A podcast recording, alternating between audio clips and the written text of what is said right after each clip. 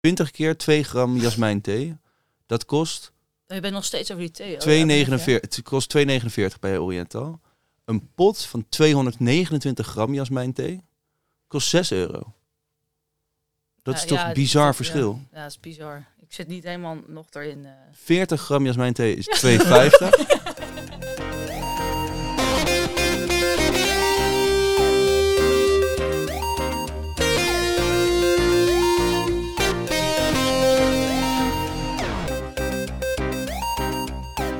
Hey, leuk dat je luistert naar deze aflevering van de Pagina Tip Boeken podcast. Mijn naam is David en ik ben jullie host samen met Brit. Ja, dat klopt. Ook in eh, 2023 gaan wij weer aan de slag met het boek van de maand en hebben wij heel veel boekentips om te geven. En ehm, we zitten hier niet alleen. We zitten met Sophie in ons podcasthok. Hi, nieuwjaar en ik ben er weer bij. Wil je nog iets over 2023 zeggen? Heb Ja. je nog eh, leesplannen? Deze plannen, ja, die heb ik altijd wel. Ik moet eerlijk zeggen, ik ben erg moeilijk in het bijhouden van hoeveel je dan leest. Dat is natuurlijk hip, hè. Dan zitten mensen nu zo, en hoeveel boeken heb jij gelezen vorig jaar? Ja, het is een beetje zoals met je nieuwe agenda. Zo van, ik begon in het begin van het jaar hou ik het dan heel netjes bij. En dan eh, daarna denk ik van, oh, nou weet ik het niet meer. En dan... Dus dan ik zou het niet weten hoeveel ik eh, gelezen heb. Ik, ik denk dat ik heel erg veel gelezen heb. En dat ik net zoveel ga lezen dit jaar. Ik hoef niet per se nog meer te lezen. Kan, kan. Ja, dan is Ligt misschien wel het maar goed dat eh, David en ik zojuist het aantal pagina's dat wij vorig jaar hebben gelezen hebben vergeleken waar jij nog even niet bij zat. Wij hebben onze Oh, wow. Goodreads challenge dit, dit precies wat jij net eh, loopt te bashen, dat, dat hebben wij zeker net gedaan. keurig besproken. Nice. Nee, maar jullie hebben het dus ook bijgehouden. We hebben Ja, zo'n Ja, ja, ik zo'n val reading daar challenge. gewoon in. Ik heb daar niet genoeg. eh, ik denk dan, wat ga ik nu doen? Mijn lijstje bijwerken of chillen? Dan denk ik, ja, ga ik toch chillen. Ja, maar als je veel boeken wil lezen, ben ik ervan overtuigd dat je echt een doel moet stellen. Want soms heb je ook even geen zin om te lezen, maar dan is dat net dat, dat deeltje in de rug van die reading dat je jezelf die challenge hebt opgelegd om er toch één keer per week te lezen. Ja. Dan weet je van ja, als ik vanavond dan een of andere flauwe true crime documentaire ga kijken, dan weet ik dat ik vol- volgende week met de gebakken peren zit. Want ja, ik snap het. Ja, nou ja, ik Ja. zou nu wel kunnen zeggen dat ik het ga doen, maar ik denk dat ik het. Nou, en toch ik heb het ook echt doen. nodig, maar Sophie is echt een machine. Want soms Ja, dat is wel. lezen wij echt gewoon achterlijk veel boeken in één maand. Dan denken we, nou, we kijken wel even welke we wel of niet echt gaan lezen. En Sophie leest ze gewoon allemaal. En gewoon, gewoon met, Ja. met een lach. Dat is gewoon... Ja, dat is wel waar. Ik ben wel van de commitment, maar als er soms zit er echt iets tussen dat ik denk, dit is echt niet mijn ding. En dan, dan Ja, je legt ook Ja. weinig weg. ja, ik leg weinig weg, maar ja, Gewoon professioneel. ja, zo zou je het kunnen zeggen. Professional. Ja, ja. Ja. En daarom zijn we ook weer blij dat je er weer bij bent. Ehm, nou, laten we het hebben over het boek van de maand. Wat is het eerste boek van de maand van 2023? Ja, eh, voor de maand januari hebben wij gekozen voor een boek dat eh, de lat voor 2023 heel, heel hoog legt. Voor ons in ieder geval. Eh, ons nieuwe boek van de maand is namelijk De Beesten van Gijs Wilbrink. Die, dat, die titel heeft wel een beetje rondgezongen afgelopen maand. Vertel, waar gaat het over? Wie heeft het uitgegeven? Ja, het is uitgegeven door uitgeverij Thomas Rap. En het is inderdaad, eh, ja, het, het boek zie je al op verschillende plekken voorbij komen. De Volkskrant eh, heeft er ook een hele mooie recensie over geschreven. Maar ja, we waren gewoon zo onder de indruk over dit boek. Eh, het verhaal speelt zich af in een kleine gemeente in de Achterhoek. En eh, de openingszin van het boek begint al goed. Het is namelijk, ik wil niet veel zeggen, maar volgens mij ging het al mis met Tom Keller toen die twee ooms hem s'nachts meenamen naar het bos en hem dingen lieten doen die een jongen van negen nog lang niet zou moeten doen. Nou ja, ik weet niet hoe het met jullie is, maar bij mij flitsen er dan meteen allerlei beelden door mijn hoofd van wat daar dan, ja, wat dat dan zou kunnen zijn. Dat gaat niet over belastingaangifte. Gaat, Dus eh, dat eh, denk ik niet. ja, Nee, misschien. nee, nee. Ja, dat, eh, dat, ja, daar moet je achter komen.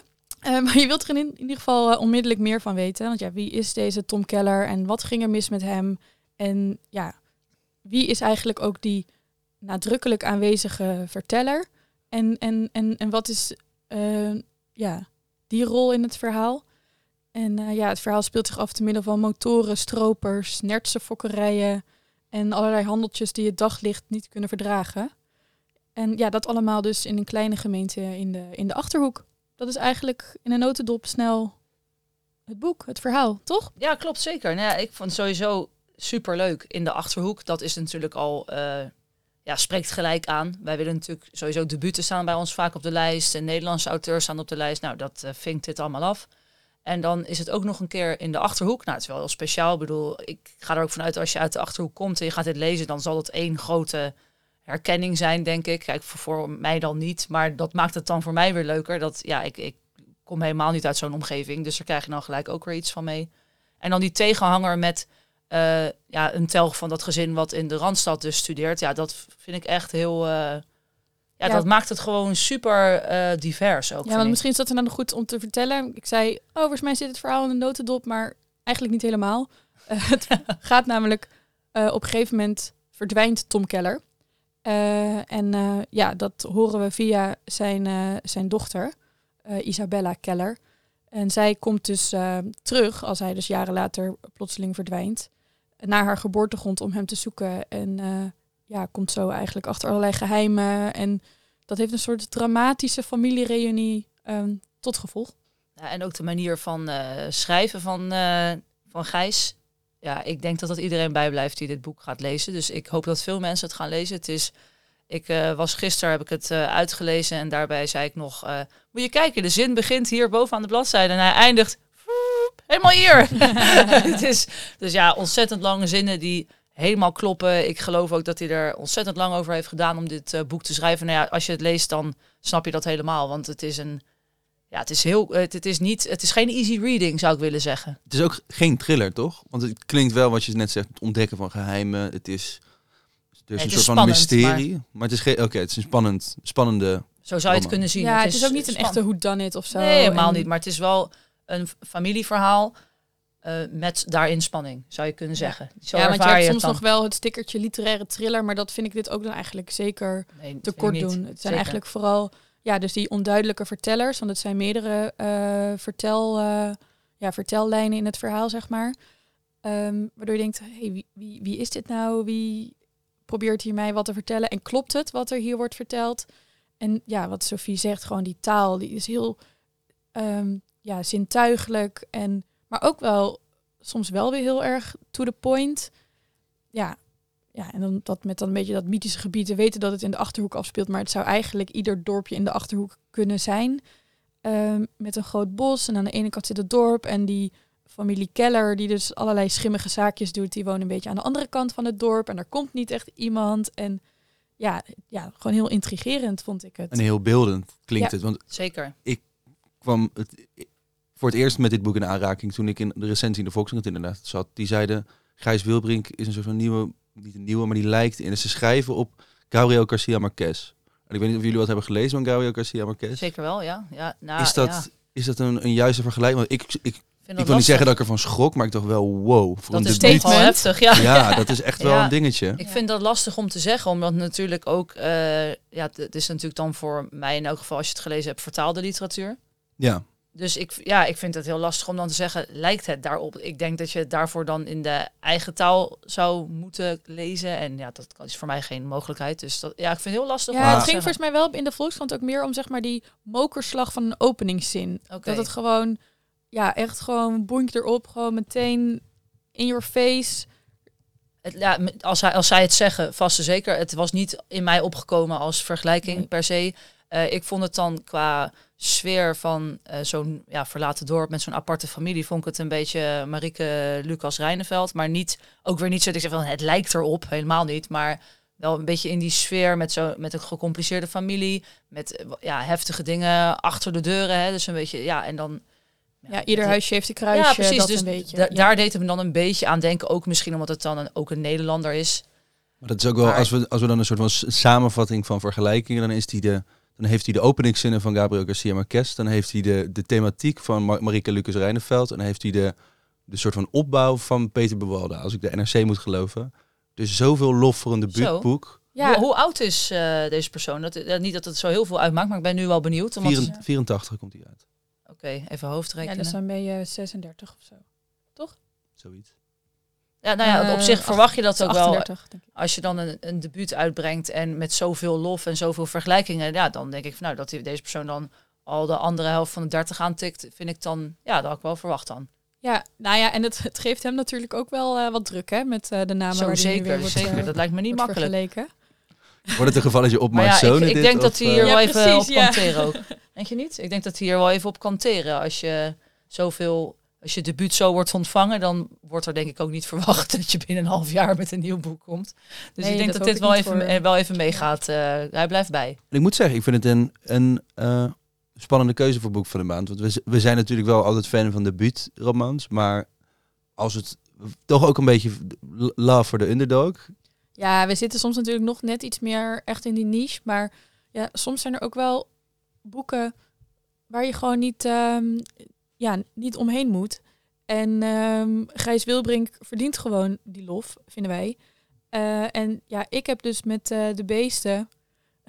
wordt het voor mij wel een eh, spannend leesjaar hoor, 2023. Om te kijken of ik daar nog, nog overheen ga komen. Ik weet gewoon nu al dat ieder boek dat ik hierna komend jaar ga lezen... toch met dit boek ga vergelijken. Vorig jaar had ik dat ook al met ons boek van de maand januari. Dat was toen Pluto van Lara Taverne. Dat was ook, ja, ehm, een beetje mysterieus en in een kleine, kleine familie waar van alles in gebeurde. En ja, dan merk ik toch wel weer dat, dat mij dat gewoon heel erg trekt. En ehm, ja, kijk, we hebben ook nog echt een paar andere hele goede tips natuurlijk. Dus als dit je niet aanspreekt, eh, hebben we nog ook eh, wat, wat anders voor je om te lezen. Maar ja, de beesten, ja, we konden er gewoon niet omheen. Eigenlijk. Dat is helemaal hoe het is. Ik bedoel, is het echt voor, voor iedereen? Ja, dat, dat zou ik niet per se weten. Maar ik denk dat het zo goed is dat het wel voor iedereen zou moeten zijn. Laat ik Ja. het zo zeggen. Iedereen in het boek van de maand panel unaniem lyrisch? Of Ik geloof het wel. Ik bedoel, ja, misschien dat er een paar mensen. eh, Ik kan me voorstellen dat, dat er, waren. Ik was namelijk niet bij de vergadering, maar ik had wel gezegd eh, dat ik vond dat deze het eh, moest zijn. Eh, ik kan me voorstellen dat er misschien collega's waren die ja, dit niet helemaal in hun straatje ligt, maar die het uiteindelijk wel kunnen waarderen.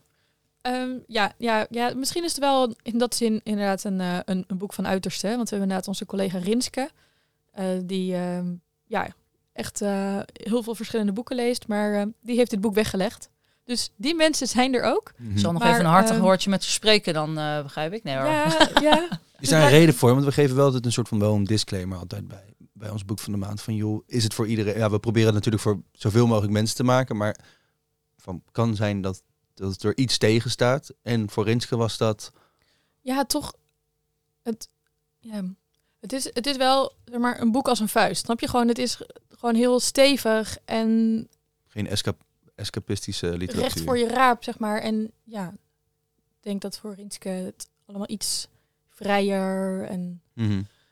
eh, ja, iets vrijer mag. Maar ja, ik zou het echt, eh, ik, ja, ik, ik, durf het, eh, ik durf het aan heel, heel veel mensen in de winkel gewoon blind te geven.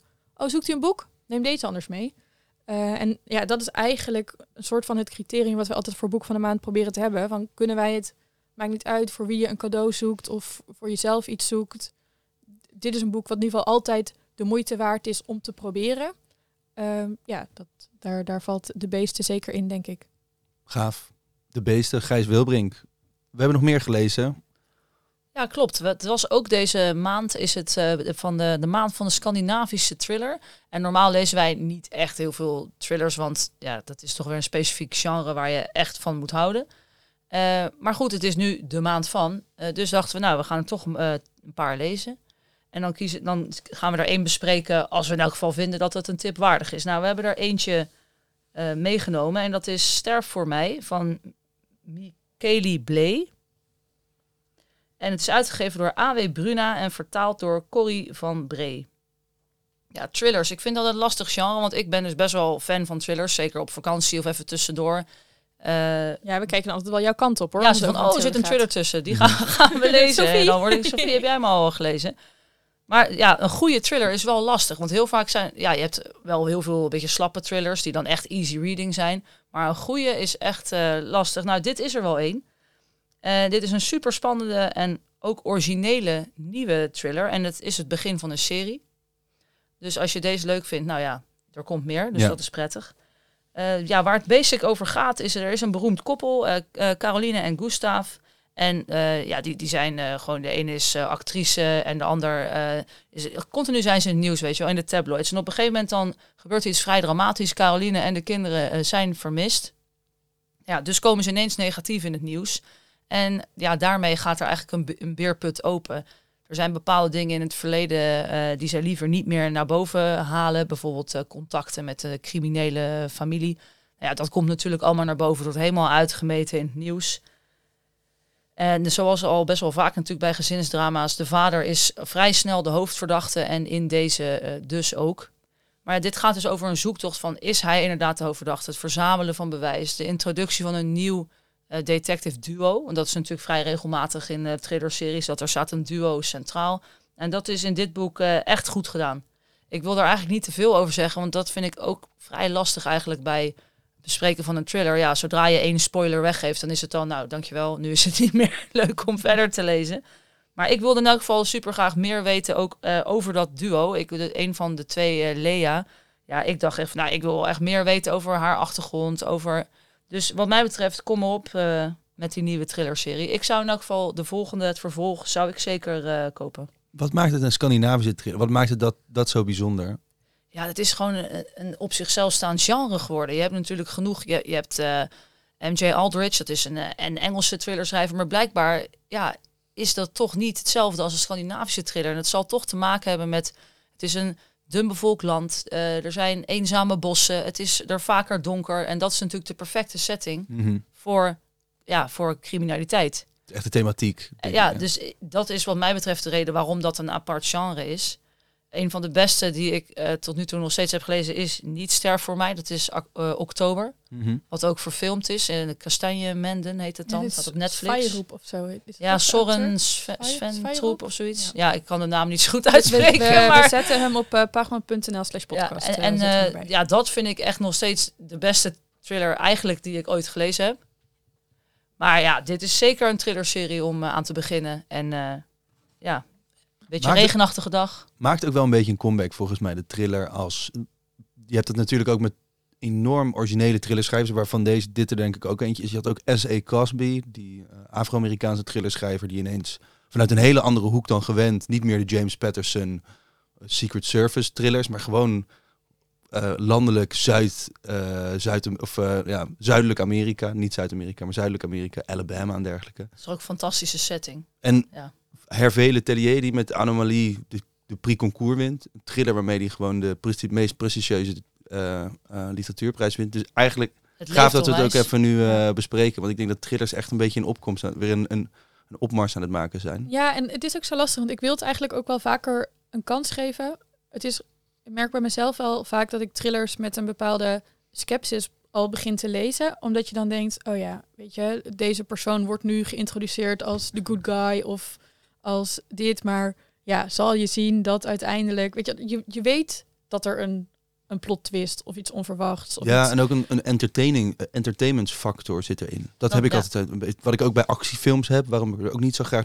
Dat ik weet van. Wordt het gewoon te veel of zo? Denk je weer zo'n achtervolging of weer een. Uh... Ja, je zit er ook van. Let me entertain you. Dat ja. zegt de film tegen je. En dan zeg je ja, dat bepaal ik zelf wel of ik het ja. leuk vind of niet. Ja, daar word ik ook altijd wel een beetje rebels van als dat van tevoren al wordt bepaald. En ja, wat ik in thrillers lastig vind is dat ja, je moet heel erg uitkijken voor een. Ja, ik noem dat altijd het baantje effect. Zo van, kijk, superleuk zo'n thriller-serie, maar het moet niet zo zijn dat ze elke keer in de kroeg komen en dan weten wie het gedaan heeft. Weet je wel? Ja, dan, ja, weet je, dat is natuurlijk, ja, iconisch in baantje, maar eigenlijk is het natuurlijk slappe hap. Weet je wel, je mm. gaat weer een borreltje drinken en het is dan, uh, oh, nu Aha. weet ik ineens uh, wie het heeft gedaan. Ja, dan is het natuurlijk geen zak aan als je dat gaat lezen, want dan lees je alleen maar naar dat moment toe en dan denk je, oh, nu weet ik het. Ja, dat, ja. en als dat wat in een ook, thriller wat zit, ook een goede leeservaring kan zijn. Voor Zeker, sommige mensen nee. is dat ultiem afschakelen. Ja, dus je, oh, nu weten we het eindelijk. Ja, weet je, snap ik ook. Alleen voor mij is dat een beetje van, nee, het moet verrassend zijn. Het moet origineel zijn. Het, het, ja, onvoorspelbaar. En het liefst dat, dat je dan denkt van, oh, dit is die persoon, die heeft het gedaan. En dan, wat, is het die ander? Dat ik nog helemaal niet aan gedacht. Dat is wat je eigenlijk ja. wil. Ja. Oké, okay, mooi om het even te bespreken. Dat was Ster voor mij van Michaela Bley. Um, wat heb je nog meer gelezen? Vertel. Ja, we hebben ook nog een heel dun boek gelezen. Dus um, ja, als jij uh, je 2023 uh, met een vliegende start uh, heel snel dat eerste boek van je Goodreads Reading Challenge af wil strepen, dan kan je gaan voor Zo hoog de zon stond van Simone Atangana Bekono. Het is uitgegeven door uitgeverij De Arbeiderspers. En ja, het boekje telt dus maar 80 bladzijden, volgens mij uit mijn hoofd. Het gaat over kunstenares Sonny, die in de zomer naar haar geboortedorp terugkeert om aan een fotoreeks te werken. Uh, en als ze dan eenmaal daar bij haar, uh, het huis van haar ouders is, nodigt basisschoolvriendin Meerte haar uit om samen op haar ouderlijk huis te passen. Dus het huis van de ouders van Meerte. Dit is uh, Villa in het Huske. een gigantisch groot pand waar ramen met afstandsbediening open gaan en een virtuele assistent antwoord geeft op al je vragen. En eh, ja, daar sp- spenderen ze tijd samen. Je weet eigenlijk niet of het nou weken of dagen of eh, hoe lang het precies is. Eh, en ondertussen is er een eh, hittegolf in het land. Dus ja, ze blijven veel binnen en bij het zwembad eh, ja, zoeken ze een beetje de koelte op. En ja, langzaam raakt Sonny de grip op de realiteit kwijt door de vele wijn, slapeloze zomernachten, Meertens onvoorspelbare gedrag en die ja, toch een beetje onheimische villa die een eigen wil lijkt te hebben. En ehm, ja, het is een beetje trippy. Het was voor sommige collega's ook wel iets te trippy. Ehm, dus tijdens de vergadering werden dan sommige passages aangehaald van ja, wat was dit of hoe zat dat? En dat is eigenlijk ook juist wat het boek probeert te doen. Ehm, Ik Nou ben ja. ook zo iemand, ja.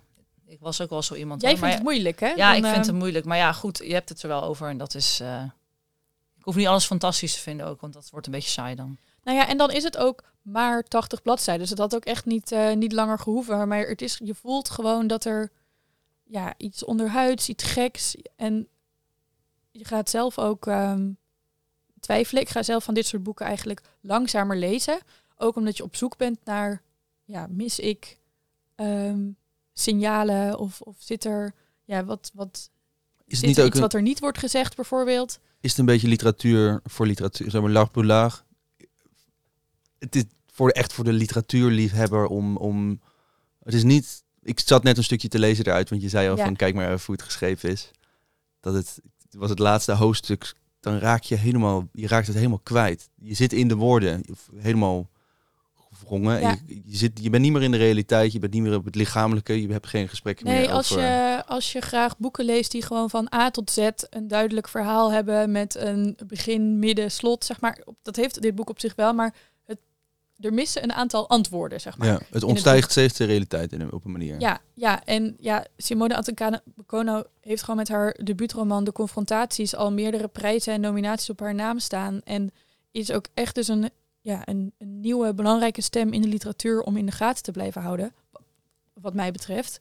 Ehm, dus ja, ik vind dit zeker alweer een mooie toevoeging aan haar oeuvre. Volgens mij schrijft ze bijvoorbeeld ook poëzie en dergelijke. Dus ze is gewoon echt heel allround ja, met taal bezig. En dat, dat voel je ook wel in dit boekje. Mhm. En ik krijg er trek van, joh. Sla hem open. Ze maken een venkelsalade met sinaasappel en feta. Oh, heerlijk. nou ja, precies. Je kan dus ook gewoon dit boekje lezen als je gewoon eh receptinspiratie zoekt.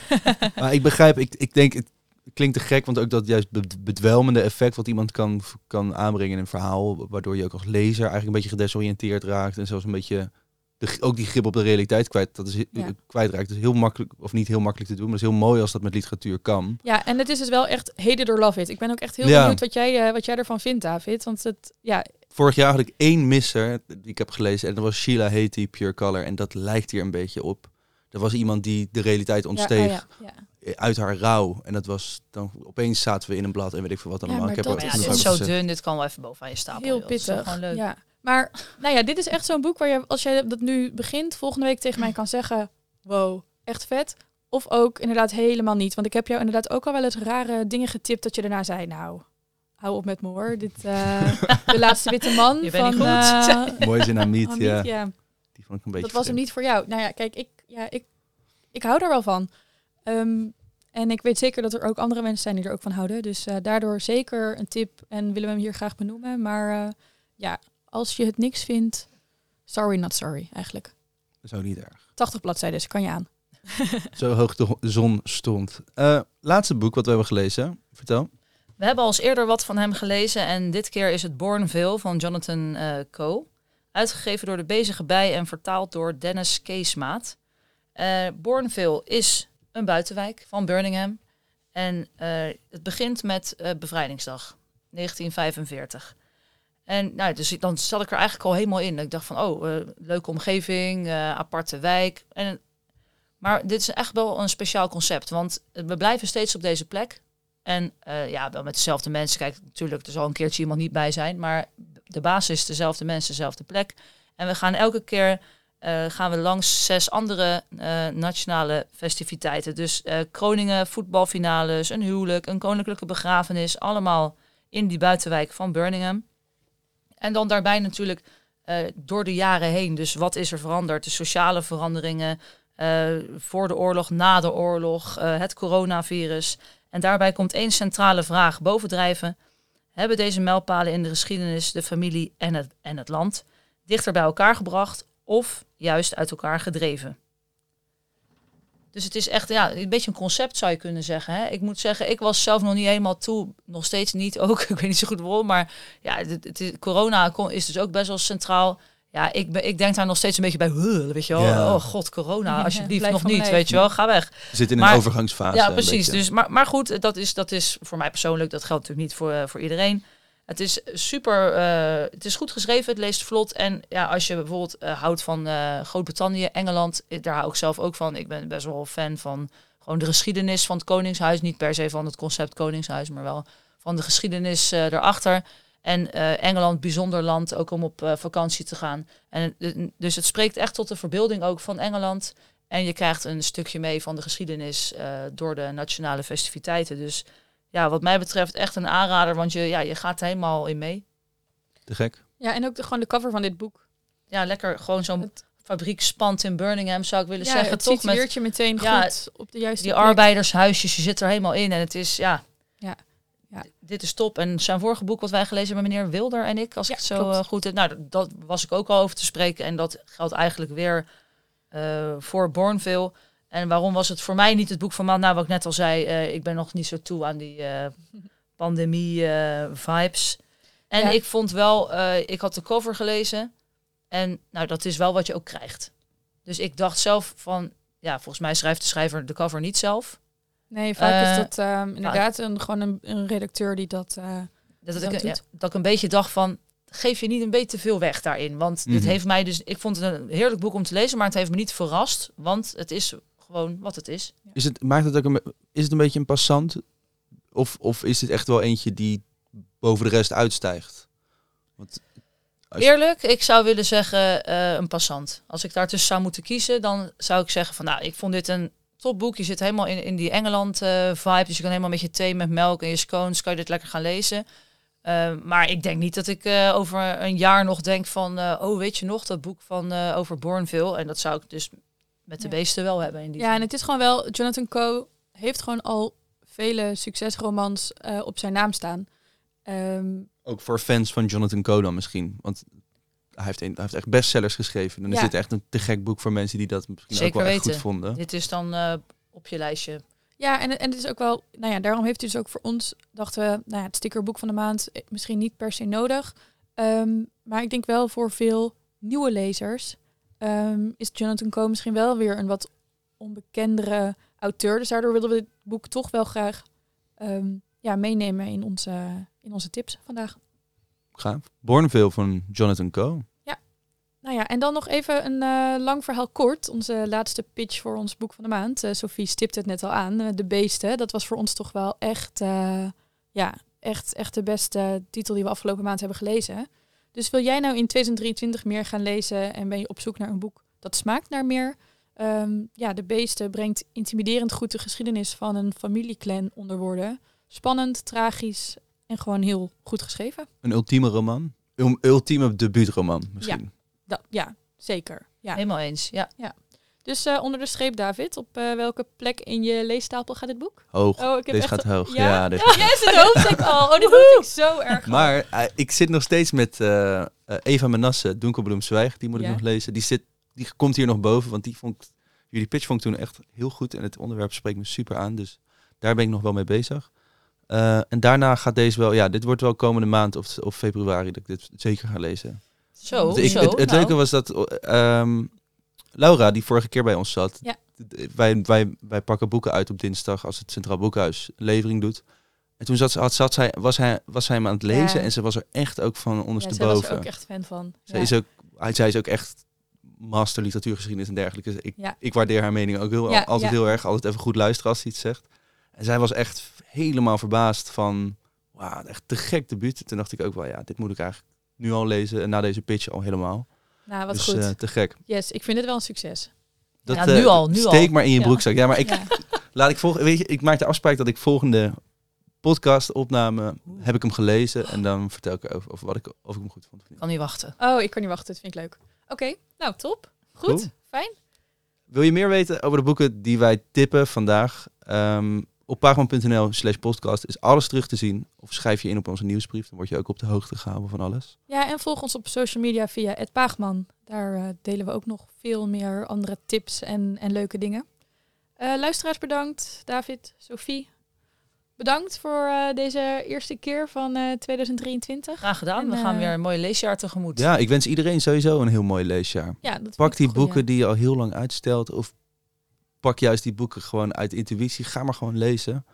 Mega veel plezier daarmee. Ja, en hopelijk tot de volgende keer. Super doei! Ciao.